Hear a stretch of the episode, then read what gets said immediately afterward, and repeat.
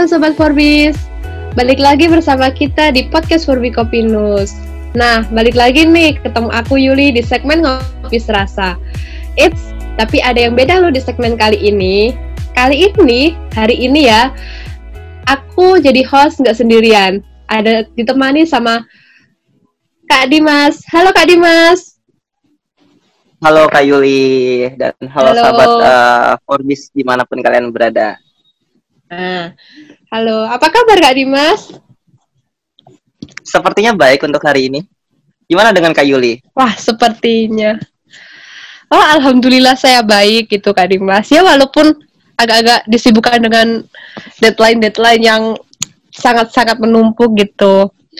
Nah, for your info ini ya teman-teman, buat sobat Forbis di mana pun kalian berada, Kak Dimas ini adalah Ketua Umum Komunitas Peduli Inklusi Nusantara. Nah, hebat kan kita bisa nge-host bareng Kak Dimas kayak gitu. Jarang-jarang loh. Kak Dimas kan orangnya sibuk. Dan uh, for your information uh, buat sobat Forbi di mana pun, uh, Kak Yuli ini adalah ketua komunitas jomblo se-Indonesia. Jadi buat teman-teman yang mungkin jomblo mau cari pasangan bisa banget gabung di komunitasnya Kak Yuli. Bukan begitu Kak Yuli? Wah, itu komunitas baru kayaknya ya. Saya baru dengar. Ya nanti kita agendakan gitu ya Kak Yuli ya. Oke. Oh ya, jadi siap. Kak Yuli uh, dan sobat Forbis di mana pun ya. Jadi kali ini di ngobrol serasa ini ya kita bakalan ngobrol bareng teman-teman kita sendiri nih Kak Yul. Really? Siapa aja Kak Dimas? Oke, daripada aku yang mengenalkan kayak gitu ya, alangkah lebih baiknya uh, untuk teman-teman dari Komnas Peduli Inklusi Nusantara, boleh nggak nih uh, kenalan dulu nih? Tak kenal maka tak sayang loh. Asal kalau udah sayang jangan ditinggal. Mau siapa dulu nih? Terserah. Oke. Eh, halo Sobat Probis. Jadi aku dari komunitas peduli inklusi Nusantara. Eh, namaku Sangwo dan eh, di sini ya aku akan cerita-cerita sedikit ya tentang inklusif gitu ya. eh, Sobat Yuli sama Sobat Dimas. Atau gimana ya? Yaps, uh, mungkin bisa dilanjut kenalan yang lainnya dulu. Halo Sobat Forbis, kenalin aku Afif, anggota Kopinus juga. Salam kenal. Oke, next. Halo, Eh kenalkan, namaku Jenkinson, biasa dipanggil Gary, jadi di sini bisa panggil Gary aja ya. Eh, aku juga salah satu anggota di Kopinus. Salam kenal. Oke, salam kenal. Uh, Oke, next. Oke, eh, malam sahabat Forbis, kenalin aku Uni, salah satu anggota Kopias juga. Salam kenal semuanya. Ya, itu tadi uh, adalah teman-teman yang hari ini bakalan ngobrol bareng kita nih, uh, sahabat Forbis. Uh, untuk Kak Yuli, Oh, halo Kak Yu, Kak Uni, Kak Afif, Kak Giri. Satunya lagi, maaf saya lupa namanya. Kak Roti aja. Oke. Biasa dipanggil Kak Roti. Oh, roti. Eh, tapi ya kayaknya roti gitu. Hmm, Oke. benar. Nah, kali ini kita mau ngobrolin apa nih Kak Dimas? ya jadi di topik malam ini kita akan ngobrol terkait inklusivitas kayak gitu ya. Uh, Wow. Kalau menurut Kak Yuli sendiri nih, inklusivitas itu apa sih Kak Yul? Inklusivitas. Inklusivitas itu adalah lingkungannya inklusif atau lingkungan yang eh menurut aku ya eh dia tuh tidak memandang sebelah eh, tidak memandang rendah atau mungkin menyamaratakan gitulah antara eh, dari strata ekonomi, strata agama, ras, budaya kayak gitu. Terus apa namanya nggak cuma dari strata itu mungkin juga teman difabel termasuk yang harus disamaratakan. Kayak gitu sih Kak Dim kalau dari aku. Hmm, bagaimana dengan Kak Afif? uh, inklusivitas ya. Kalau menurutku inklusivitas itu uh, suatu kondisi di mana uh, dalam kondisi itu ada kesetaraan dan di apa dalam itemnya, dalam aspek-aspeknya itu uh, gak pernah memihak. Jadi ibaratnya sama rata uh, sera, apa rata gitu setara dalam suatu kondisi. Itu inklusi menurut aku. Hmm. Bagaimana dengan uh, karotis mungkin kalau menurutku itu uh, inklusif itu uh, suatu keadaan di mana um, semua orang bisa merasakan uh, situasi yang sama gitu. Jadi ya tidak ada perbedaan gitu. Dan semua orang bisa uh, menikmati uh, suatu hal itu uh, setara gitu. Terus ya. Hmm. Sangat menarik ya. Uh, kalau untuk Kak Geri dan Kak Uni apakah ada pendapat yang lain atau uh, mungkin sepakat nih dengan uh, tadi uh, apa inklusif yang disampaikan oleh teman-teman uh, sebelumnya Hmm, aku sepakat sih. Jadi intinya kalau menurutku ya dari kata sama sama penyamarataan itu. Jadi menurutku inklusif itu di mana kita punya tujuan yang sama gitu, ingin semuanya sama, walaupun ya dengan caranya berbeda gitu, tapi tujuannya tetap sama gitu, gitu. Oh, hmm. misalnya aku sendiri sama juga sih, karena kita nggak nggak memandang golongan mana gitu stratanya. Intinya kita kita ini semua sama gitu. Hmm, sangat menarik ya, uh, sahabat Forbis. Uh, kalau menurut sahabat Forbis, gimana tuh? Nah, uh, untuk sahabat Forbis yang mungkin mau sharing, bisa banget uh, kalau sharing bareng kita. Uh, dan ketika untuk sahabat Forbis ingin sharing-sharing uh, bareng kita, bisa banget DM kita di Instagram Komunitas Peduli Inklusi Nusantara di @ko underscore pinus atau uh, Kopinus ya, ko underscore Pinus seperti itu. Dan uh, nanti kita bakalan cerita-cerita bareng. Ya, uh, tadi menarik ya uh, Kak Yuli kalau tadi disampaikan oleh teman-teman bahwa inklusivitas tuh identik dengan kesamarataan, yaitu dengan keterlibatan, dengan uh, kondisi-kondisi yang ramah kayak gitu. Nah, tapi tadi uh, saya mendengar bahwa ada kata difabel kayak gitu. Nah, mungkin uh, sebelum kita masuk lebih jauh kayak gitu yang ngobrolnya uh, terkait inklusivitas uh, perlu diketahui gitu ya uh, untuk sobat-sobat Forbis di mana pun kalian berada bahwa uh, untuk teman-teman yang sekarang sharing ini juga uh, sebagian ada yang uh, bagian dari difabel kayak gitu. Mungkin uh, untuk teman-teman uh, dari Komunitas Peduli Indonesia Nusantara boleh nggak kenalan dulu nih yang uh, difabel? Siapa dan difabelnya kenapa itu gitu. Boleh cerita nggak kak? Mungkin dari kak Rotis dulu ya? Oh iya um, kebetulan di sini aku difabel tunadaksa uh, tunadaksa itu difabel fisik dan uh, aku di sini nggak punya kedua tangan utuh oke okay.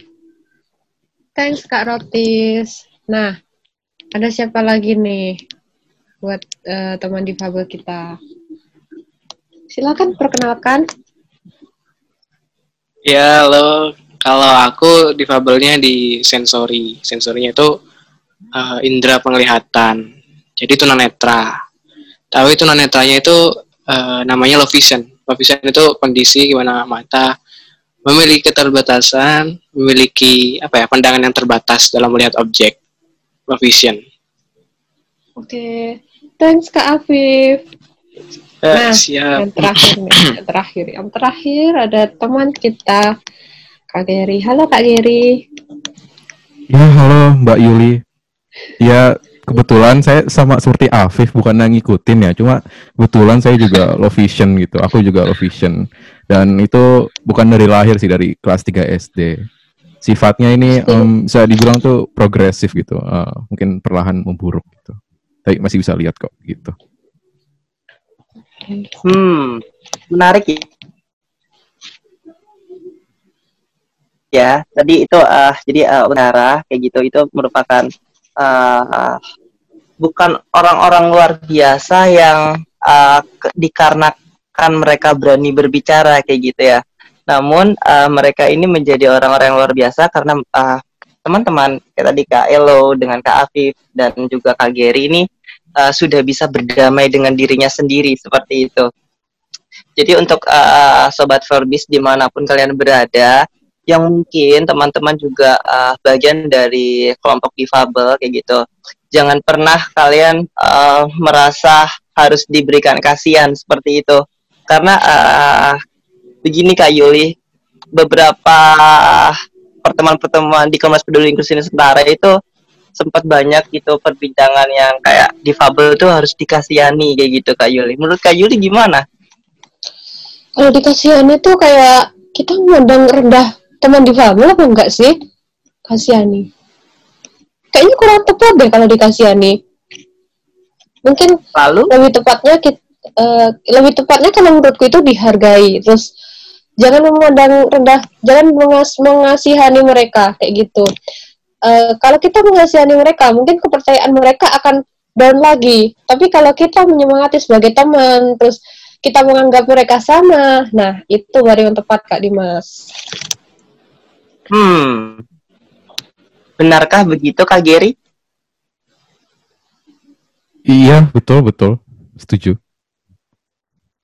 Tapi nih Kak Geri nih, Kak Geri pernah nggak sih Kak kayak uh, diberikan belas kasihan gitu Kak ketika mungkin ketika Kak Geri uh, selama berdisabilitas gitu Kak di mana pun itu pernah nggak sih Kak? Hmm, iya, sering sih. Em, seperti contoh, ya kan aku mulai dari SD ya. SD, ya gimana ya? eh circle pertemananku langsung berubah gitu. Dan orang seperti guru gitu memandangku ya langsung berubah. Yang tadinya ya biasa anak biasa, yang ketika jadi apa ya? Jadi difabel gitu, orang memandang langsung beda gitu. Mereka bisa ya kasihannya lebih ke ini ya cara interaksinya gitu kelihatan mereka kayak takut untuk berinteraksi gitu takut misalnya takut menyinggung perasaanku mungkin atau ya ya gitulah pokoknya mereka ada rasa takut berinteraksi yang membuat eh ah, circle temanku ya jadi sedikit gitu gitu sih Tapi Kak Geri ya, gimana sih perasaan Kak Geri kalau dikasihani kayak gitu? Pasti sedih ya? Iya, a- em, kalau aku pribadi ya, aku nggak suka dikasihin. Yang aku inginkan tuh dari dulu eh, mandiri gitu. Cuma karena aku difabel ini, dulu tuh aku nggak bisa minta tolong sama orang. Jadi maunya sendiri. Cuma nggak nggak bisa dilepas, nggak bisa dipungkiri juga tuh. Aku juga butuh pertolongan orang lain gitu. Cuma Hebat. dengan ya bingung gitu ya paling nggak suka sih dari rasa kasihanin gitu maunya dianggap sama gitu Oke. Nah, eh, untuk Kak Afif nih. Kak Afif, halo Kak Afif. Hmm, halo. Gimana nih Kak Afif sebagai teman difabel? Sebagai eh, apa namanya difabel itu dikasihani. Menurut Kak Afif itu benar nggak sih? Maksudnya eh, tepat apa nggak sih? Ah, apa ya sebenarnya difabel. Difabel itu bagian juga dari manusia. Kayak misalnya kita layak gak kita mengasihani apa orang, misalnya eh, yang sama-sama manusia ya, ayah kita gitu. Kita kasihan kepada ayah kita misalnya, yang sama-sama manusia. Itu kan kayak eh, apa yang harus dikasihani, kita sama-sama manusia gitu. Kalau aku lebih ke menghargai, sama lah kayak kita berbeda ya misal kita maaf maaf postur tubuh ada yang tinggi ada yang pendek terus eh, yang pendek kesulitan dalam eh, menjangkau benda yang di atas. Nah otomatis kan kita menolong ya kan gak, gak mungkin eh, dipaksa untuk untuk mengambil orang yang tinggi. Pasti kesulitan kan. Nah di situ kita gerak untuk nolong. Sama kayak difabel difabel ada bagian-bagian yang eh menjadi apa ya?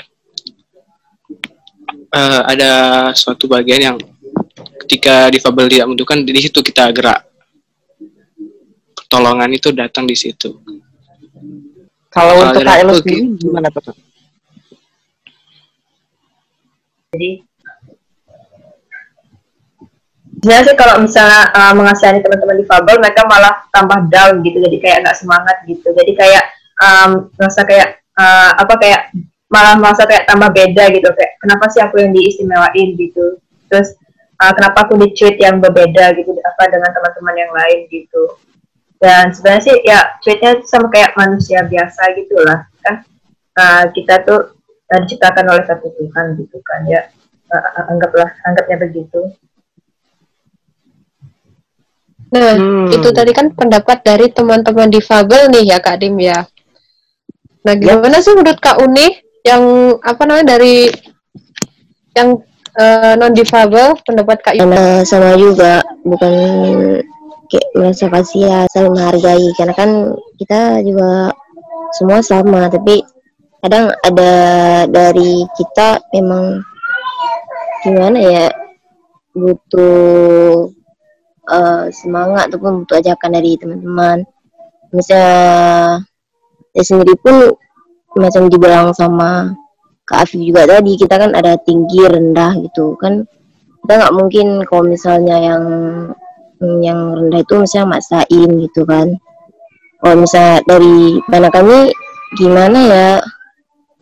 Kan ada juga ada juga kalau misalnya orang merasa kasihan gitu. Mungkin dalam artian mereka bukan kasihan macam merendah gitu. Mungkin kayak yang teman-teman bilang tadi menghargai.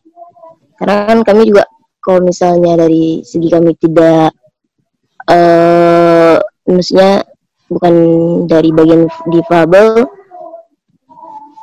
Pikiran kami jadi pola pikir kami juga kan beda sama yang eh, orang difabel gitu. Mas mungkin mas orang ini bukan mengasihani mungkin lebih menghargai gitu Yuli Tadi sepertinya ada yang mau bertanya nih Kak Dimas. Ya, eh, jadi sobat Forbis tadi itu eh, adalah sedikit ya tentang eh, penyandang disabilitas kayak gitu. Nah, eh, kita juga sudah sama-sama tahu bahwa eh, penyandang disabilitas atau kelompok-kelompok difabel ini juga bagian dari kelompok-kelompok marginal kayak gitu ya, atau yang eh, hidup dalam eh, persahabatan dengan diskriminasi, dengan stigma seperti itu ya. Nah, eh, namun tadi ada contoh yang menarik yang diberikan oleh eh, Kak Afif ya, ketika ada seorang yang tinggi dan satu orang lainnya eh, lebih pendek daripada si tinggi ini kayak gitu ya. Ketika misalkan si pendek ingin mengambil sesuatu, tapi karena tingginya tidak eh, tidak menunjang dia untuk dapat mengambil sesuatu itu, maka uh, si tinggi ini alangkah lebih baiknya, alangkah lebih harmonisnya untuk membantu kayak gitu. Nah, namun ketika memang si tinggi ini sering mem, uh, sering membantu, jadi dia kayak bantu ngambilin kayak gitu ya, bantu ngambilin, bantu ngambilin terus gitu. Memang tidak tidak dapat dipungkiri bahwa terdapat uh, masih banyak banget kelompok-kelompok uh, yang demikian ini yang akhirnya menimbulkan ketergantungan kayak gitu ya. Nah, namun seiring perkembangannya nih ada nih cara untuk kita bisa mewujudkan harmonis kayak gitu ya, uh, mewujudkan keadaan yang harmonis kayak gitu di antara uh, atau di dalam kehidupan kita kayak gitu. Nah, misalkan ketika si tinggi ini ingin memang uh, membuat si uh, apa kelompok yang tadi ini sedikit lebih pendek daripada dia, mungkin dia bukan cuma bisa mengambilkan barangnya kayak gitu, tapi mungkin dia bisa menyediakan atau memberikan akses khusus. Ya mungkin seperti kursi gitu ya sehingga ketika dia mau mengambil sesuatu tidak harus bergantung dengan orang lain kayak gitu. Nah uh, saya ingin bertanya kembali kayak gitu ya. Uh, mungkin uh, saya ingin bertanya ke Kak Afif kayak gitu. Gimana Kak Afif? Apakah kelompok difabel ini dibedakan di masyarakat ini uh, oleh karena ada akses-akses khusus? Atau karena memang dia dibedakan karena ya mungkin kalau orang yang awam akan menyebut dia sebagai kelompok cacat atau mungkin uh, sebagian menyebut dia disabilitas atau bahkan difabel kayak gitu. Jadi uh, gimana nih kak perbedaan antara kelompok difabel dengan yang non difabel kak? Oke, ini kan bicara pandangan masyarakat kebanyakan atau stigma gitu ya. Nah, jadi uh, uh, terla, uh, masyarakat itu memandang difabel dan non difabel ada perbedaan yang mencolok. Sehingga untuk perlakuan untuk apa ya harus ditampilkan berbeda. Kayak misalnya di daerahku saja di daerahku uh, untuk difabel bisa bersekolah dengan teman-teman yang non difabel itu suatu apa ya suatu pencapaian suatu hal yang luar biasa gitu. Karena menurutnya ya difabel seperti yang mereka tahu ada sekolah yang khusus gitu ada sekolah katakanlah segregasi apa sekolah SLB gitu ya. Jadi mereka tuh kayak seolah-olah uh, menempatkan oh kalau difabel ya ya ini ya udah kayak gini. Ya ya netra tuna netra ya kerjanya apa kerjanya ya pijat gitu. Lah misalnya ada teman-teman kita yang autis atau down syndrome gitu ya ya udah mau bisa apa jualan dan mereka melihat teman-teman difabel bisa sekolah itu suatu hal yang apa ya luar biasa. Jadi kayak oh bisa ya sekolah aku pernah di kayak gitu. Kayak pernah ditanya e, sekolah di mana? Sekolah di UB oh UB oh, bisa ya? Itu kayak kaget dan uh, suatu kayak hal yang luar biasa. Padahal uh, kembali lagi difabel ya sama-sama manusia gitu. Dan manusia sekolah di UB apakah suatu luar biasa kan enggak juga gitu uh, tadi saya yang uh, saya tanyakan itu apakah kelompok difabel juga membutuhkan akses khusus kayak gitu Kak Afif? Gimana untuk masalah akses khusus? Ya. Iya, setuju untuk akses akses khusus. Karena karena tadi yang dicontohkan ya tinggi pendek. Gak, gak, gak cuma kita harus mengambilkan gitu mendulang, tapi bisa disediakan fasilitas. Kayak misalnya uh, sulit akses di jalan kursi roda tangga. Tangga gak harus kita mem, mem, apa ya menggendong apa ya istilahnya mengangkut cuma kursi roda ke atas untuk naik ke tangga gitu kan. Enggak uh, sediain fasilitas yang menunjang. Rem misalnya. Jadi ada fasilitas yang memudahkan teman difabel untuk sama-sama hmm. memperoleh akses tadi Hmm, hmm, hmm. Kalau menurut Kak Elo gimana nih Kak? Uh, seberapa butuh sih akses-akses atau kebutuhan khusus lainnya bagi teman-teman difabel atau mungkin untuk Kak Elo sendiri seperti itu? Hmm, kita kan sebagai teman difabel kan uh, inginnya tuh bisa melakukan semua uh, mandai mungkin kan ya apa maksudnya uh, sesedikit mungkin untuk minta bantuan teman-teman yang non difabel gitu. Jadi menurutku sih uh, uh, teman-teman di kampung butuh sih uh, kayak alat akses gitu karena kayak untuk teman-teman yang kursi ya butuh ramp gitu untuk bisa masuk ke gedung apa misalnya butuh lift gitu juga terus misalnya untuk yang contohnya kayak aku butuh kan uh, aku nggak punya kedua tangan jadi butuh kursi tinggi yang tingginya tuh sejajar sama meja belajar gitu. jadi ya biar aku bisa lakukan semua hal tuh sendiri di kelas jadi sebenarnya sih buat aku sih ya butuh sih biar kita nggak juga apa ya kayak biar di mata orang tuh kita tuh nggak kayak merepotkan mereka gitu, Hmm. Kalau buat Kak Gary sendiri, uh, butuh banget nggak sih Kak untuk akses-akses khusus kayak gitu? Iya, uh, sama seperti Kak Elo soal sebenarnya yang kita ingin itu bisa ngelakuin sendiri ya. Dan fasilitas tuh penting banget gitu. Contohnya aku SMP, aku pernah ujian ya ulangan gitu ya. Dan di situ tuh aku aku kan kalau kalau SMP kan pakai magnifier untuk melihat tulisan besar gitu. Dan kebetulan tuh magnifierku rusak. Dan sebenarnya kan tuh SMP SMP yang katanya kan inklusif ya. Cuma di situ tuh aku udah minta tolong ke guruku untuk membacakan. Cuma ditolak gitu.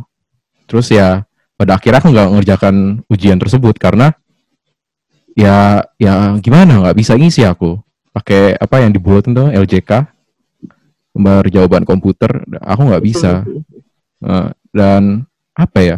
Sebenarnya tujuannya sama aku pengen ngerjain ujiannya. Cuma uh, ya aku mungkin caranya beda gitu. Mesti menggunakan alat ini. Cuma ya karena nggak ada ya udah dilepas gitu. Jadi itu sih.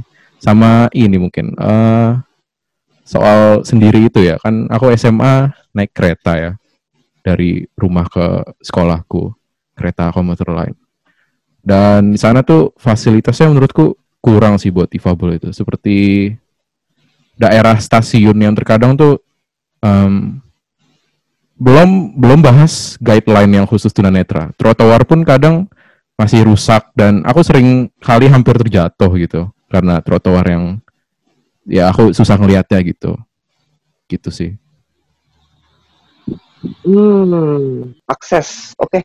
Kalau untuk Kak Uni, eh, apakah Kak Uni eh, selama ini nih Kak eh, pernah nggak sih Kak berpikir bahwa oh ternyata kelompok difabel itu butuh akses nih kayak gitu? Apa eh, sebelumnya atau kayak gimana sih Kak? Hmm, Oke, Kak Dimas, eh, kalau misalnya dari segi naluriah kita manusia, kita juga tidak mau merepotkan orang lain. Misalnya, kit- kita tuh intinya kita tuh bisa, tapi ya ma- macam eh, Kak Evi kayak gini kayak Awu tadi bilang, misalnya kita dalam mencapai suatu tuh butuh bukan butuh sih banyak cara. Intinya eh, kalau misalnya kita memiliki keterbatasan jadi kita harus memiliki akses lain bantuan gitu. Jadinya eh, kalau misalnya kita tidak mau merepotkan orang lain kita bisa melakukan cara yang lain. Kalau misalnya eh, kita selalu bergantung takutnya eh, semacam ketergantungan. Jadi nanti kita ada situasi di mana yaitu eh, sendiri nggak ada orang lain. Jadi kalau misalnya kita buat ketergantungan butuh bantuan orang lain selalu eh, jadi nggak tahu misalnya kalau misalnya kita nanti berada dalam situasi kita lagi sendiri nggak ada yang bisa membantu kita. Gitu sih kak Dimas. Nah, hmm, kalau untuk teman-teman Forbis gimana tuh? Eh Kak Dim, aku mau cerita nih soal eh, apa namanya yang soal sekolahku dulu, uang eh, sorry maksud saya itu kan dulu sekolahku katanya sekolah yang inklusif kan, udah in- lingkungannya udah inklusif gitu. Nah aku punya temen nih difabel dua orang, satunya tunadaksa, satunya itu tuh eh, apa namanya eh, dia tunanetra kayak gitu. Nah katanya kan sekolahku inklusif ya, tapi itu kayak fasilitasnya tuh buat teman-teman difabelku itu tuh kayak kurang banget gitu loh kayak nih contohnya ya oke kalau masalah apa namanya untuk tunadaksa eh, dia pakai pakai kursi roda itu kalau naik ke atas itu kan tingkat dua sekolahku. Kalau naik ke atas dia itu diangkut sama kursi rodanya itu minimal empat orang lah dua depan dua belakang kayak gitu. Tapi masalahnya kadang tuh orang lewat nggak mau bantuin gitu loh kak Dim. Jadi kayak harus minta tolong dulu gitu loh kayak nggak ada eh, apa namanya nggak ada kemudahan. Guru pun kadang juga gitu. Nah untuk untuk teman tunanetra itu sedikit diistimewakan sih karena dia kan eh, dia berprestasi dalam hal eh, literasi. Terus dia jago eh, apa namanya kiroa itu loh yang ya itu kiroa terus apa namanya MTQ ja- jago terus dia juga jago nyanyi. Sedangkan temanku yang tunadaksa itu tuh kayak dia tuh pemalu gara-gara fisiknya sendiri. Nah gimana tuh kak Dim? Oke, jadi kalau misalkan memang benar ya, eh, terkadang itu kalau kita bahas eh, dunia seperti ini nih, kayak gitu ya, itu memang sangat kompleks sekali kayak gitu. Nah, eh, mungkin kita sudah menyediakan eh, kayak misalkan sarana-sarana khusus ya gitu, kita sudah menyediakan misalkan eh, sistem kurikulum pendidikan yang eh, dalam tanda kutip inklusif ya, sistem pendidikan yang terbaru daripada eh, sistem pendidikan sebelumnya ada gitu ya, sistem segregasi dan sistem eh, pendidikan reguler kayak gitu. Nah, namun memang tidak dapat dipungkiri ya eh, bahwa sampai saat ini eh, masih banyak eh, kelompok masyarakat yang mungkin bukan tidak mau membantu atau eh, tidak mau untuk eh, terlibat kayak gitu ya atau eh, terintegrasi dalam mewujudkan keadaan yang inklusif agar kita bisa hidup ini berdampingan secara harmonis penuh cinta kayak gitu. Nah, namun memang uh, masih banyak loh kelompok masyarakat di sana yang mungkin belum tahu kayak gitu. Nah, namun uh, sebelum kita membahas itu lebih dalam lagi kayak gitu, uh, kan inklusif ini kan sebenarnya bukan cuma uh, diperuntukkan untuk penyandang disabilitas ya. Ada kelompok-kelompok lainnya yang juga uh, membutuhkan keadaan yang inklusif dan ketika kita bicara tentang keadaan yang inklusif uh, di situ semua individu dikatakan uh, semua individu harus terlibat di dalamnya kayak gitu ya tanpa melihat strata ekonomi latar belakang uh, si individu ini dan lain sebagainya kayak gitu. Nah, uh, tapi untuk teman-teman sendiri nih uh, boleh dijawab oleh Kak uh, Kak Rotis, terus Kak Uni, Kak Geri dan Kak Afif kayak gitu. Uh, menurut kakak-kakak nih ya, inklusif itu apakah selalu berbicara terkait tanggung jawab pemerintah atau bagaimana nih kak? Aku ya, boleh. Oh, boleh. Gimana tuh kak? Menurutku ya, hmm, bisa bilang iya mah enggak. Yang penting sesama ya sesama manusia sih harus tahu edukasi tentang inklusivitas ini. Soalnya kalau kita nunggu pemerintah untuk ya misalkan mengadakan regulasi gitu mengenai inklusivitas atau apa, aku nggak tahu ada apa enggak ya. Ya mau kapan gitu. Pentingnya ini sih awareness mungkin inklusivitas itu.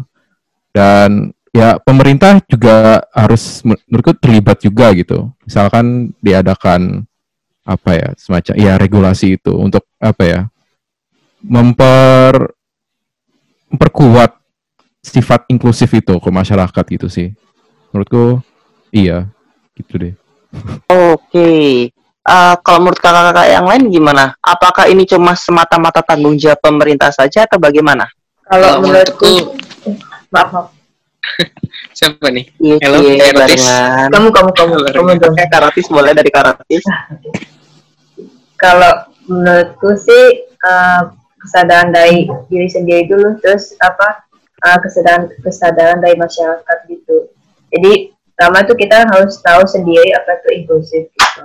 Terus misal kalau udah kita bisa menyebarkan uh, ilmu kayak uh, disability awarenessnya itu ke masyarakat dan juga apa itu inklusivitas gitu sih. Terus nanti misal kalau uh, semakin banyak orang yang tahu kan nanti uh, bakal banyak yang uh, upload di sosmed gitu tentang inklusivitas dan juga difabel gitu karena dan mungkin saja kalau pemerintahnya peka dan apa ya ya mungkin saja bakal diperhatiin gitu sih. Menurutku sih gitu. Gimana Kak Afif? Kalau menurut Kak Afif? Kalau menurutku untuk ini ya inklusi uh, semua ya bertanggung jawab untuk itu karena kita ada di dalam lingkungan yang bermacam-macam itu. Jadi butuhnya kesadaran. Kalau kita aware kalau kita emang bed, emang bermacam-macam dan harus uh, bersatu untuk hal itu. Jadi gak ada apa ya gak ada perbedaan diskriminasi gitu-gitu. Uh, pemerintah pemerintah juga juga harus kena bagian bagian dari lingkungan tadi ya bagian dari uh, lingkungan inklusi. Uh, pemerintah mungkin bisa kayak ngasih regulasi yang benar kata tadi Mas Gier sempat bilang kalau kayak ada uh, meyakinkan ada regulasi yang ngasih label kepastian gitu. Kayak misal terkait akses, terkait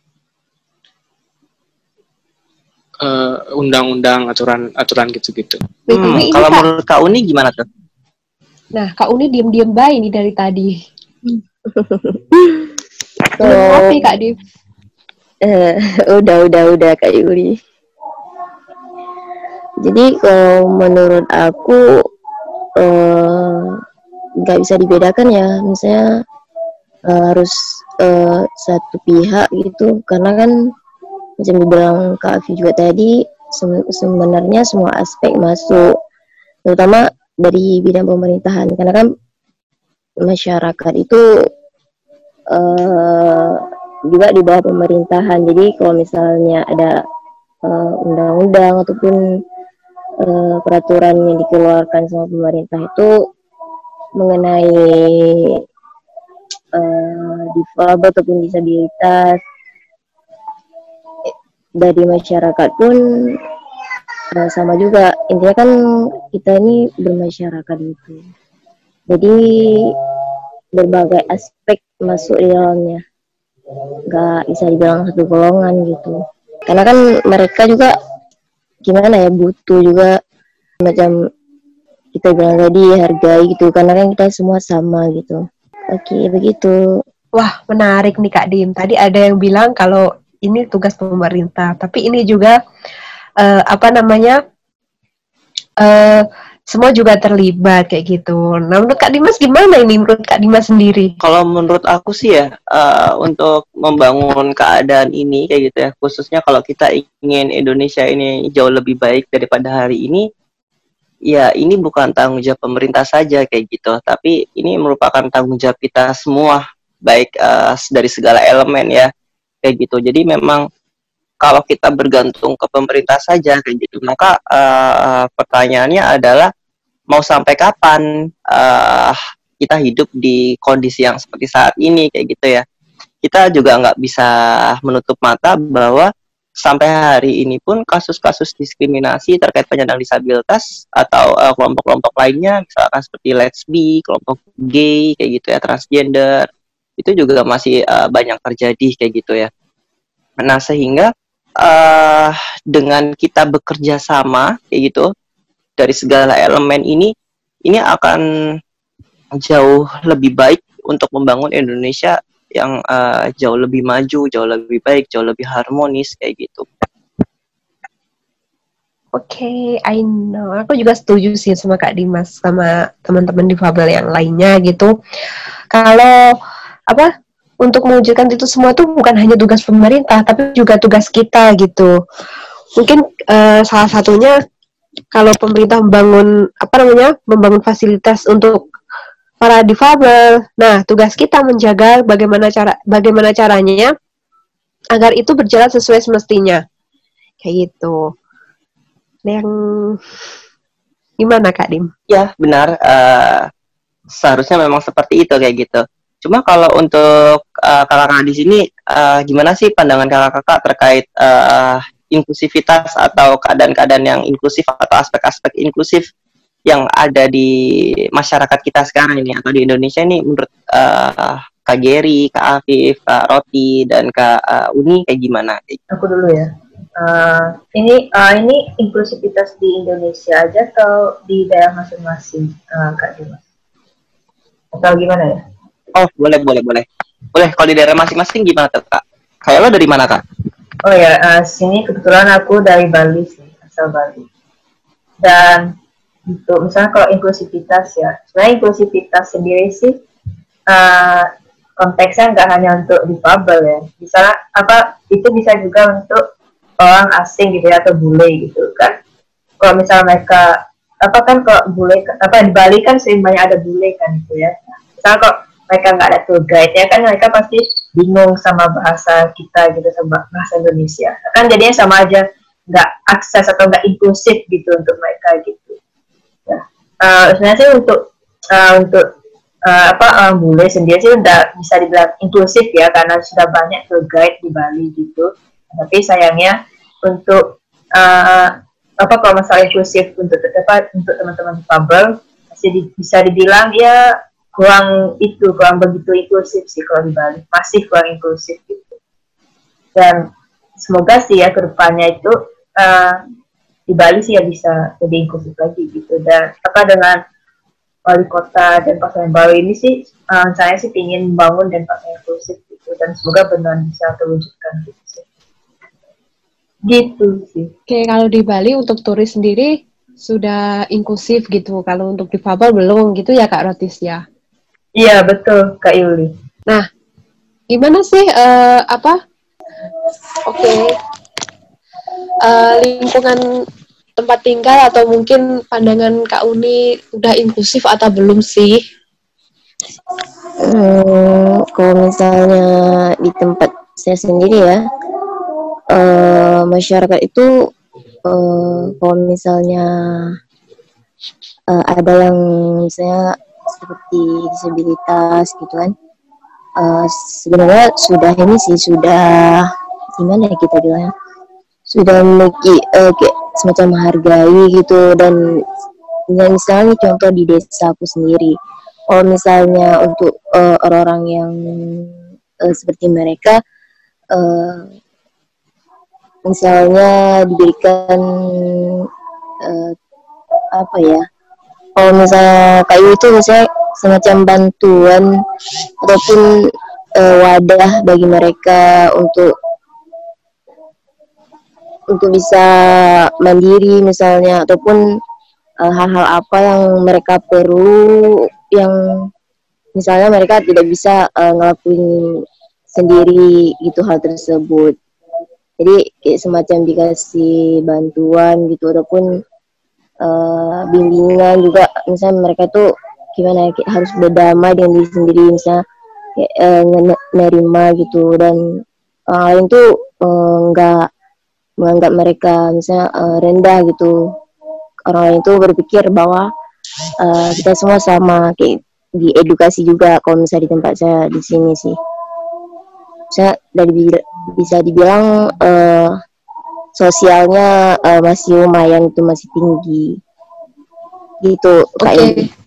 Kalau itu untuk difabel ya. Nah, kalau inklusivitas itu kan bukan hanya tentang difabel, tapi juga kelompok-kelompok tertentu, kelompok-kelompok marginal. Nah, untuk kelompok marginal di daerah Kak Uni, Kak Uni, gimana itu Kak Uni? Inklusif, inklusifnya. Eh, maksudnya eh, untuk kelompok, misal masyarakat ini ya udah menerima belum kelompok-kelompok marginal yang ada di situ, gitu.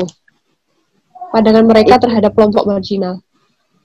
itu kalau misalnya kelompok marginal itu em, semacam seperti apa gitu kak yo Oh, oke. Kelompok marginal kayak seperti waria, terus LGBT, terus mungkin apa namanya? eh ya semacam itu. kalau misalnya di tempat eh, aku sendiri sih eh yang kelompok-kelompok marginal itu kami di sini eh gimana ya kalau misalnya dari segi agama nih eh, kalau misalnya dari segi ag- agama sih kami toleransi gitu kalau misalnya mereka eh, kalau misalnya yang Islam ya berdasarkan agama Islam gitu. Kalau misalnya yang non ya nggak apa-apa. Gimana menurut aliran mereka misalnya eh, pergaulan mereka gitu. Jadi toleransi gitu tapi kalau misalnya dalam eh, ibadah itu enggak kalau misalnya mereka mereka eh, yang Islam Islam yang Islam non Islam gitu tapi kalau misalnya karena kan negara kita juga negara demokrasi jadinya eh, saling berdampingan juga gitu gitu sih kak Yu Oke. Kalau itu dari Kak Wahyu, Kak Uni ya. Kalau untuk Kak Afif, gimana Kak Afif itu Kak Afif? Eh, kalau ngomongin inklusi ya di daerahku, Hmm, kalau di daerahku, jujur, eh, tadi kan inklusi dibilang kalau ada harga apa menghargai, saling menghargai suatu kelompok, kelompok-kelompok tertentu. Nah, jujur di daerahku itu keikatan kelompoknya tuh terlalu kuat. Jadi kayak misalnya ada berbeda sedikit, eh, apa ya kayak udah beda, gitu. ada yang diskriminasi dan segala macamnya. Sederhana, contoh sederhana misalnya terkait bahasa. Eh, aku ini ya lupa dijelasin dari daerah Madura terkait bahasa. Bahasa kan Madura punya bahasa sendiri ya bahasa Madura gitu. Nah kalau misalnya di sekolahku nih eh, ada teman misalnya dia ngomongnya bahasa Indonesia pakai bahasa Indo Eh, itu kayak sering dijadiin bahan ledekan kayak dibilang sok lah sok Indo sok Indo padahal kan eh, karena di daerahku itu budayanya yang ngomong bahasa Madura kentalnya pakai bahasa Madura. Jadi kalau misalnya ada yang bahasa Indo itu sering bahan ledekan kayak eh, sok-sok gitulah. Kalau ngomongin soal difabel di Madura ini menarik. Eh, dulu aku sempat ngerasa kayak eh, aku aku apa gitu. Kok aku beda gitu sama yang lain. Kayak aku ngeliat di kanan kiri tetangga terus di sekolah teman sekolah tuh gak ada yang aku jemui yang kayak aku. Matanya gak kelihatan lah yang tunadaksa lah dan segala macam itu gak nemunya aku ngira apa aku aja yang kayak gini di daerahku gitu. Tapi di TV banyak. Apa mungkin di Madura cuma aku gitu. Aku sempat pemikiran kayak gitu. Tapi ternyata eh, SMP SMA tahu-tahu informasi dan eh, sebenarnya difabel banyak juga di Madura. Cuma dan mereka gak diekspos ada di rumahnya masing-masing dan dia nggak sekolah, nggak disekolahin kadang. Dan itu ternyata banyak juga eh, dari apa ya? Dari guru-guruku, guru-guruku punya anak difabel dan tidak disekolahkan. Terus ada yang dari keluargaku nggak disekolahkan juga. Oke. Gitu. Kalau Kak Gary, gimana Kak Gary? Inklusivitas, eh, inklusif lingkungan inklusif di daerah Kak Gary. Eh, ya, Kak Yuli. Em, mungkin aku coba bisa cerita di mungkin di kehidupan kampusku ya. Ya aku nggak su- usah sebut nama, cuma kayaknya warna biru salah kampusnya itu. Dan dan kebetulan tuh eh, kampus tersebut tuh memberi statusnya sebagai kampus inklusif kan ya. Sebenarnya aku jujur sangat beruntung gitu. Ya, aku mungkin bisa kuliah itu karena ya adanya penerimaan khusus ya, bagi eh, teman-teman difabel ini. Cuma yang sangat disayangkan tuh inklusif eh, inklusif itu belum terwujud sepenuhnya gitu dalam kampusnya gitu. Kalau apa yang aku bisa rasakan banget sih di mungkin di fasilitas eh, jalanan mungkin. Jadi aku jalan kaki dari eh, asrama ke kampusku ke fakultasku. Dan itu tuh awal maba tuh ada di jalanan arah ke sana tuh nggak ada trotoar gitu. Jadi aku harus ngalah dengan kendaraan lainnya dan beberapa kali tuh hampir ya uh, ada yang marah lah naik motor suruh apa lihat-lihat kalau jalan atau apalah. Dan aku sendiri juga bingung gitu. Di kampus tersebut ada semacam apa ya lembaga ya lembaga khusus untuk em, melihat ini apa ya pemantau mungkin uh, mahasiswa difabel gitu-gitu. Dan mungkin nih mungkin uh, oke apa pengurus dan ya dosen atau apanya lah. Mereka sudah teredukasi gitu. Sedangkan mahasiswa itu banyak yang masih belum tahu gitu. Kenapa nggak diedukasi gitu? Contoh seperti ospek. Aku ospek saat itu aku di fakultas tersebut tuh aku cuma sendiri sebenarnya di Fabel. Cuma aku sudah make apa ya semacam pita gitu yang katanya syaratnya kalau di Fabel harus pakai pita khusus warna ini biar kelihatan di Fabel. Masih sering kali sering di apa ya lupa gitu. Eh, aku disuruh tulis ini. Sedangkan aku nggak bisa dan dimarahin. Aku bilang di Fabel oh mereka baru. Oh ya maaf maaf gitu. Kenapa nggak sebelumnya ya eh, ini yang aku ingin kasih sebelumnya cari-cari dulu lah apakah ada mahasiswa difabel kan ini kampus inklusif menerima difabel kenapa nggak ya cari dulu gitu. Dan pada saat angkatanku tuh cuma satu yang di fakultas itu cuma aku doang. Kok bisa ya lupa gitu. Nah terus kalau misalnya eh, aku karena difabel eh, harus dipisah gitu lah atau apa kenapa pisahnya sama orang sakit gitu? Orang sakit yang apa ya ya teman-teman ya apa teman-teman yang lain gitu yang sakit ya bisa sak- masuk angin atau apa. Kenapa kalau digabunginnya ke situ? Kok aku aku nggak sakit gitu? Ya aku bingung aja sih gitu. Ya itu sih yang bisa aku ceritain dari mungkin dari kampusku itu. BTW Kak Gary asal asal mana ya? asal Bekasi Kak Yuli. Wah, asal Jakarta. Bekasi. Iya, Mas Afif.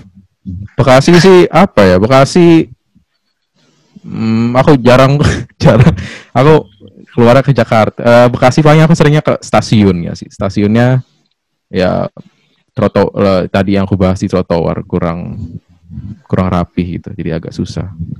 Gitu sih. Kalau Kak Dimas, wah Kak Dimas Kak dari tadi diem ini. Enggak karena dari tadi eh, ini menyimak dan mendengarkan eh, kesaksian-kesaksian teman-teman ini yang luar biasa ini. Aku juga salut itu udah eh, fokusku bener-bener terpancing ini. Selama nih. Bener-bener menarik. Oke. Oh iya tadi, Eh. tadi ngomongin apa spek ya bener kata Mas Giri. Aku juga punya pengalaman spek itu ada acara apa outbound gitu. Outbound eh, di ospek itu ada acara apa gitu. Going games lah. Nah itu kan lari-lari ya. Nah dibedain dipanggil. Untuk yang tanda ini tanda hitam. Tanda hitam itu untuk yang teman penyakit berat asma, epilepsi dan segala macam. Nah, tapi eh, yang difabel dipanggil juga aku aku difabel ya dipanggil juga untuk eh, gak usah ikut gak usah ikut kegiatan istirahat gitu di ruang tertentu nah aku mikir kenapa aku ikut istirahat ya kan aku gak capek untuk lari-lari gitu sama itu persis Oh, maksudnya eh, apa? Berarti difabel kalau di universitas atau mungkin tempat menimba ilmunya Kak Gary sama Kak Afif itu difabel itu dianggap orang sakit kayak gitu kan. Padahal mereka salah. Temenku difabel tunanetra, dia suka lari-lari malah. Nah iya. Sama sekali nggak bisa diem. Nah, Menarik. mungkin menarik. dari Hmm. Nah, dari teman-teman difabel ini, teman-teman Komdas Peduli Inklusi Nusantara, ada yang mau ditanyakan apa enggak ya? Kita open question nih. Buat siapa aja? Siapa aja? Tapi jangan tanya status ya, please.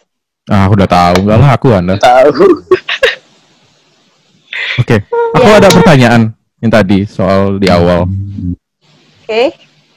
Tadi kan sempat menyinggung ini kan ya, apa? Difabel, eh, mestinya tuh kita nggak apa ya cara memandangnya itu nggak boleh dengan rasa kasihan tapi rasa menghargai. Terus aku pikir-pikir lagi gitu. Aku kalau menorang men- menolong menolong seseorang tuh pasti awalnya kan rasa kasihan ya. Terus eh, jadi maksudnya gimana gitu? Apakah itu boleh ada eh, mungkin awalnya dari rasa kasihan dulu atau atau gimana gitu mungkin ada yang bisa memperjelaskan gitu aku bingung Ada yang mau jawab duluan? Saya persilahkan. dapat deh. Kalau eh, menurut aku ini kan ada simpati, ada empati. Kalau simpati itu benar yang kata Mas Kira tadi itu apa? Ada rasa kasihan, rasa iba untuk bergerak membantu. Dan empati ini, empati ini yang tindakannya gitu. Kalau misalnya dikaitin sama difabel ya, eh, menolong, menolong ketika kita ngelihat difabel yang kesulitan, ya ya awalnya emang dasar dari rasa im- simpati tadi itu. Tapi untuk selalu bersikap simpati walaupun kita gak kesulitan ya, kita ngelihat aja udah simpati itu yang jadi apa ya sedikit aneh mungkin masalah gitu-gitu. Kan kita gak ada apa-apa gitu. Kita ngelihat aja teman kursi roda. Oh kasihan ya dia kursi roda. Nah ini yang jadi.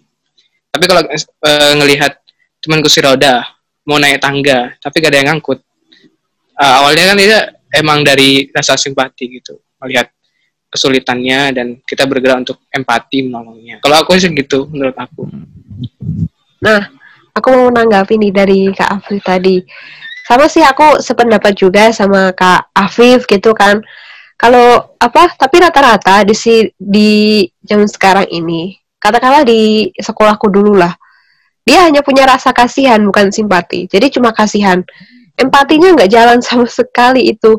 Eh, maksudnya cuma diliatin, ya udah lalu aja, lalu lalang aja, sok kayak nggak nggak ada apa-apa gitu sampai aku sama temen tuh bener-bener nungguin banget ya Allah ini kok nggak ada orang ada nggak ada yang mau bantuin kayak gitu padahal eh, apa namanya kalau kayak gitu tuh aku nggak bisa sendiri gitu loh makanya eh, kadang cuma kalau cuma rasa kasihan itu janganlah. Kasihan eh bukan kasihan sama mereka.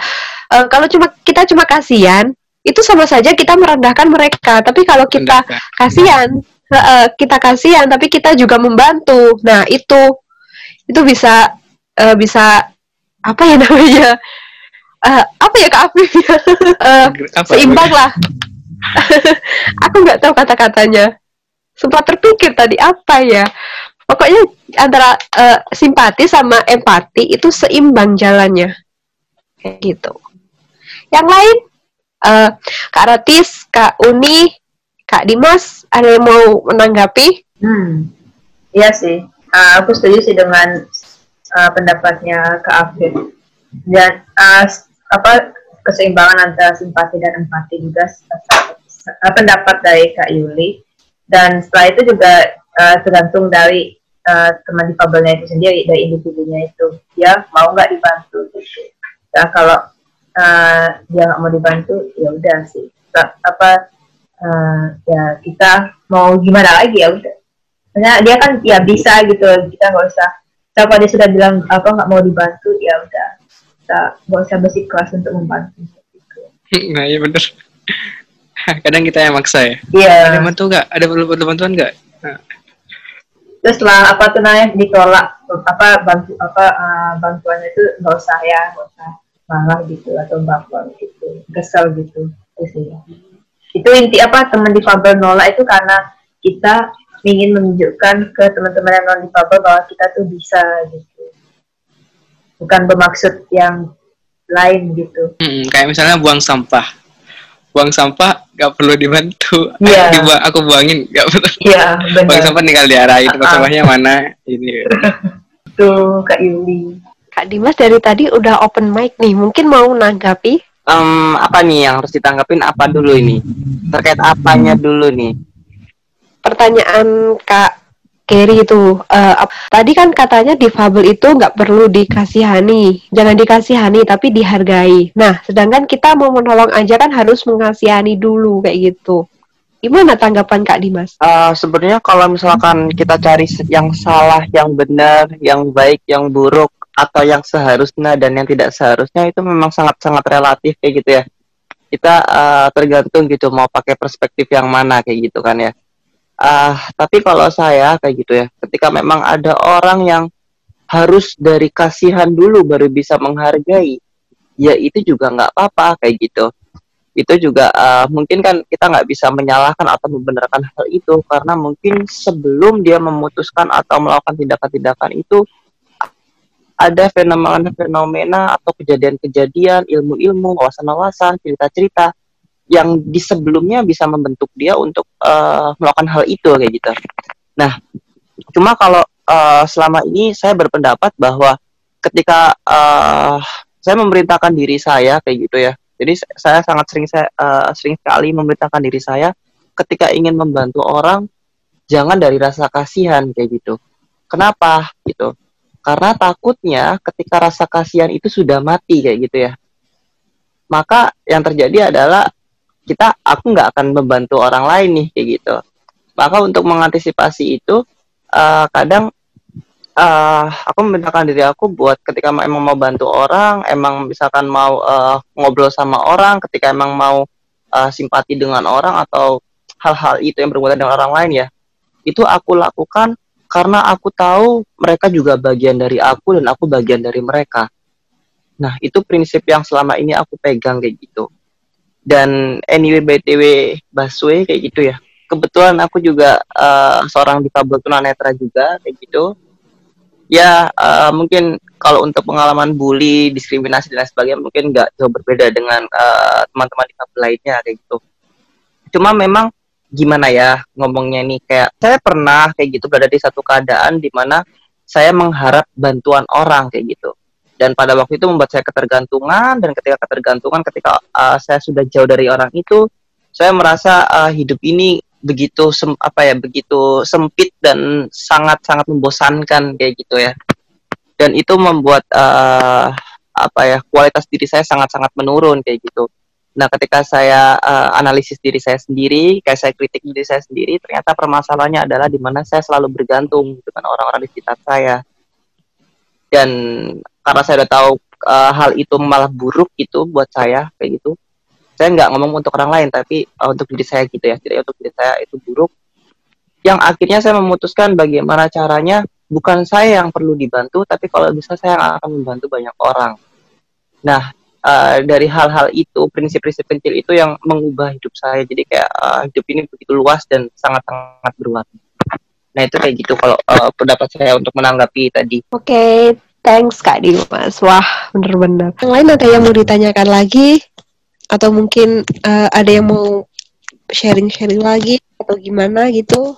Gak apa-apa sharing aja di sini. oh iya aku mau sharing sih apa tuh namanya Ah, jadi kemarin itu di, di Bali sih ini ah, aku sempat ngadiri acara pas hari men, apa pas mental health day itu nah pas sesi foto-foto itu kan ga- bergaya kan gaya bebas. Nah aku kan angkat kaki kan. Terus apa fotografernya tuh bilang itu kakinya kenapa diangkat?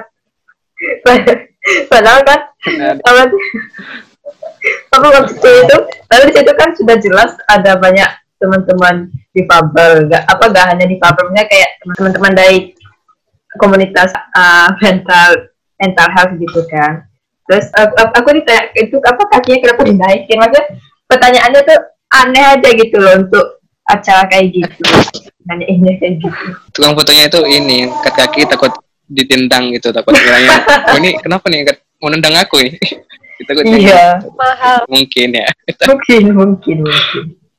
Ya, jadi untuk sahabat Forbis perlu diketahui nih ya bahwa eh, kita nih yang ada di sini nih semua dari anggota Komnas Peduli Inggris Nusantara kayak gitu. Dan kita itu udah jadi kayak keluarga sendiri. Jadi memang eh, obrolan-obrolan kita itu eh, sangat ke mana-mana kayak gitu ya. Dan walaupun tadi eh, selama proses perekaman podcast ini itu memang tidak ada satupun step perencanaan sama sekali. Jadi sangat mengalir kayak gitu. Dan untuk teman-teman yang mungkin ingin sharing, berbagi cerita, atau ingin menjadi bagian dari kami, boleh banget nih buat join atau kepo-kepoin kita kayak gitu ya. Ah di Instagram kita gitu di @ko underscore p i n u s atau @ko underscore pinus kayak gitu. Ah, lagi. jadi eh, sekali lagi nih buat ada pengumuman nih buat teman-teman nih ya yang mungkin dari kemarin-kemarin udah nunggu apa sih program kerja Kopinus kayak gitu ya. Nah, kepo ini. kebetulan hari ini salah satu eh, teman-teman tadi yang sudah sharing itu adalah eh, bagian ini ya ketua dari eh, salah satu program. Nah, mungkin bisa diceritakan dulu nggak nih Kak Afif nih, Kopinus ada program apa nih Hmm. dan eh, kenapa teman-teman harus tahu terkait informasi itu? Hmm. Jadi salah satu program program kerja Kopinus itu ada namanya gerakan seminar 20.000. Wah, apa tuh gerakan seminar 20.000? Jadi gerakan seminar itu eh, ada dua rangkaian. Yang pertama itu ada open donasi 20.000, terus kemudian nanti ada seminar 20.000. Nah, di open donasi ini eh, kita ngajak teman-teman nih untuk berdonasi. Buat apa donasinya? Donasinya itu eh, akan disalurkan kepada kepada teman-teman difabel dalam bentuk beasiswa, beasiswa pendidikan. Targetnya 5 juta untuk lima orang. Itu itu untuk untuk open donasi. Nah, nanti bakal ada seminar 20.000 ribu. Eh, Kak Afif, kalau semisal aku mau donasi nih, donasinya ke mana ya? Donasinya bisa lewat transfer bank, BCA, terus OVO. Untuk nomor rekeningnya mungkin bisa dicek di IG Kopinus atau IG Gerakan Seminar 20.000 ribu. Oke, thanks informasinya. Oke, jadi di Sobat Furbis, karena waktu sudah larut malam nih ya. Jadi kalau di jam kita nih, kita lagi rekaman di jam 2 malam guys, kayak gitu. Makanya sunyi-sunyi sekali gitu ya. Jadi ah, kita akan melanjutkan perbincangan ini podcast-podcast Kopinus yang akan datang. Nah, bahas apa? Tetap pantengin terus nih podcast podcast Kopinus. It's Gimana tuh Kak Yuli? It's Kak Eh, kita kan podcast Kopinus ada tiga segmen ya. Ada kita bicara, ada kita ada ngopi geni. ngopi geni, ngopi geni. Oh iya, Gini, ngopi gini, ngopi gini, ngopi gini. Ya, aku denger denger ngopi Iya. geni itu paling terkenal ya dari podcast Oh, itu oke. segmennya. ngopi Hmm. serasa Iya. dong. Ngopi serasa dong. Yang Belum pernah dengar aku ngopi serasa itu apa. Mau Kalau ngopi Kalau itu kalau boleh tahu nih, mungkin teman-teman yang lain juga belum tahu nih sobat Podus belum tahu nih. Sebenarnya ngopi serasa, ngopi geni, atau ngopi yang lain itu apa sih maksudnya maknanya apa sih? Eh, aku jelasin dulu ya. Kalau untuk ngopi serasa itu tuh eh, ngopi, ngopi itu kan identik dengan kita bicara, eh, kita berbicara sama eh, kita ngobrol, tapi itu kayak pembahasan kita tuh walaupun pembahasan kita menarik, tapi kita tetap santai, kayak eh, nggak terlalu tegang lah, bisa sambil ketawa, ketiwi, bisa sambil bercanda, kayak kita tadi gitu loh Kak Dim. Nah untuk ngopi geni, mungkin Kak Geri atau Kak Afif bisa menjelaskan apa itu ngopi geni? Oke, jadi kan tadi ngopi serasa ngopi serasa cuma apa ya ngobrolnya santai ngobrol santai. Nah kalau di ngopi gini selain kita santai juga bisa menginspirasi lewat apa lewat pembahasannya pembahasannya tentang insecure. Jadi kalau misalnya apa ya kita merasa inse- eh, insecure di ngopi gini menghadirkan suasana yang hangat dan dapat bisa mencintai diri sendiri dan berdamai diri sendiri. Itu kalau ngopi gini. Mm-mm. Nah, tadi juga mau nambah. lagi. Tadi ada misinformasi. Tadi katanya ngopi serasa itu menarik ya. Sebenarnya ngopi geni yang menarik tuh. Itu aja sih. Udah, nggak usah debat. Hmm, Tak. Oke, oke. daripada kita berdebat mana ngopi yang lebih rame Eh, nah satu lagi, Dim. untuk sobat Forbis bisa banget lagi. nih voting nih oh ada satu lagi Satu lagi kita bicara. Kita bicara itu, Yes, kita bicara kita bicara, kita bicara itu kita ngobrol sama teman-teman eh teman-teman difabel dari berbagai latar belakang. Nah, Wah. eh, teman-teman difabel yang akan berbicara yang kita ajak ngobrol gitu itu sangat menarik seperti eh, dia berprofesi sebagai model terus apa atlet tapi dia tunadaksa itu bisa juga loh kak di ah pantengin terus ini dan satu lagi ya untuk episode minggu depan di segmen ngopi serasa kita ada yang beda loh kak Dim yang beda itu eh, untuk minggu dep untuk episode selanjutnya di segmen ngopi serasa itu kita akan menghadirkan expo. Nah, expo itu, nanti bukan hanya dari eh, maksudnya dari unit satu aja gitu. Dari, jadi ada beberapa unit gabungan gitu, dari teman-teman komunitas peduli inklusi Nusantara gitu Kak Dim. Intinya tetap stay tune. Intinya ah tetap pantengin kita, tetap kepoin kita. Oke sobat Forbis, jadi kita udah sama-sama tahu nih ya eh, apa bahwa di Kopinos kita di podcast ini ada tiga segmen kayak gitu ya. Ada kita bicara, ngopi geni dan ada ngopi serasa kayak gitu. Sobat-sobat Forbis di mana pun eh, sobat berada bisa banget nih kasih komen, kritikan atau request kayak gitu ya. Eh, apa yang harus kita bahas atau yang kita obrolin kayak gitu. Atau kalau teman-teman eh, Forbis ingin uh, ikut sharing bareng kita, boleh banget DM di Instagram kita kayak gitu ya di @ko underscore PINUS kayak gitu. Dan uh, saya Dimas bersama teman saya Yuli pamit undur diri dan uh, see you next time kayak gitu ya di podcast podcast dengan obrolan-obrolan yang inspiratif. Thank you. Jangan lupa. Dadah. Bye, see you.